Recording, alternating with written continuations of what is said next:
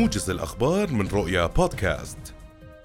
موجز الأخبار من رؤيا حياكم الله. مندوبا عن جلالة الملك وضع رئيس الوزراء بشر الخصاوني حجر الأساس لمشروع معبر حدود الدرة في محافظة العقبة والذي يربط الأردن بالسعودية.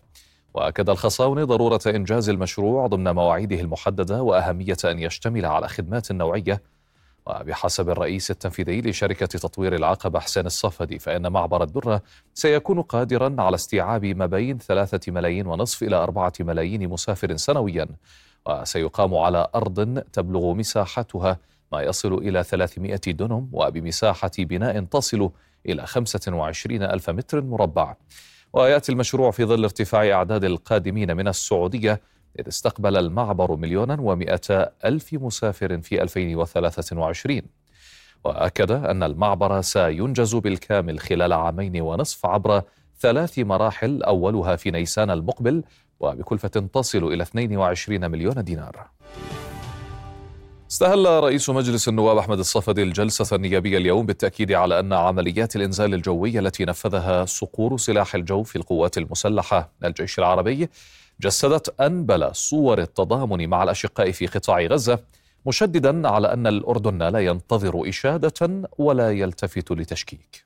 الزميلات والزملاء الكرام سيبقى الأردن سندا وعونا لفلسطين ولن تثنيه عن مواصلة دوره كل أصوات العبث التي دأبت على التشكيك وعلينا المضي كما نحن على الدوام بجبهة داخلية متماسكة وكلنا فخر واعتزاز بالجهد الكبير الذي يبذله جلالة الملك المعظم لوقف العدوان الغاشم على غزة فهو يواصل الليل بالنهار ومن جولة إلى جولة مع مراكز القرار والتأثير الدولي دفاعا عن الحق الفلسطيني. ومن أجل ضمان وصول المساعدات إلى القطاع والدفع باتجاه حل عادل للقضية الفلسطينية. نعم هذا هو أسد بني هاشم رفيع المقام عزيز الشأن قوي الإرادة حامل الوصايه وهذا هو الأردن وشعبه العظيم في خندق الدفاع عن فلسطين. عاش الملك عنوان أمل ومجد وصمود. عاش الوطن حرا عزيزا منيعا.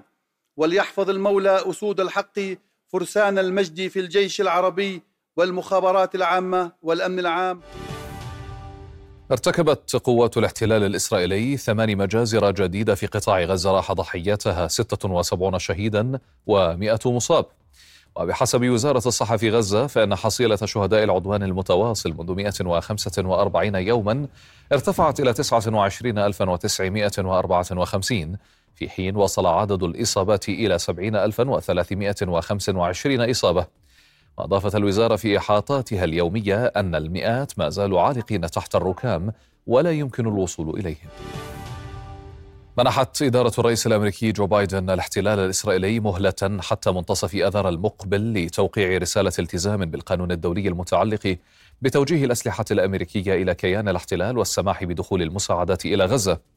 وذكر موقع إكسيوس الأمريكي نقلا عن مسؤولين أمريكيين وإسرائيليين أن الإدارة الأمريكية ستعلق نقل الأسلحة إلى كيان الاحتلال إذا لم تقدم تل أبيب الضمانات في الموعد المحدد.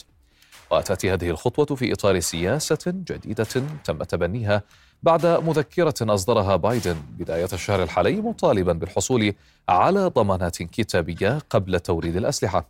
ويذكر أن هذه السياسة تعتبر ردا على مخاوف أعضاء ديمقراطيين في مجلس الشيوخ بشأن عمليات الاحتلال العسكرية في قطاع غزة ختام الموجز في أمان الله.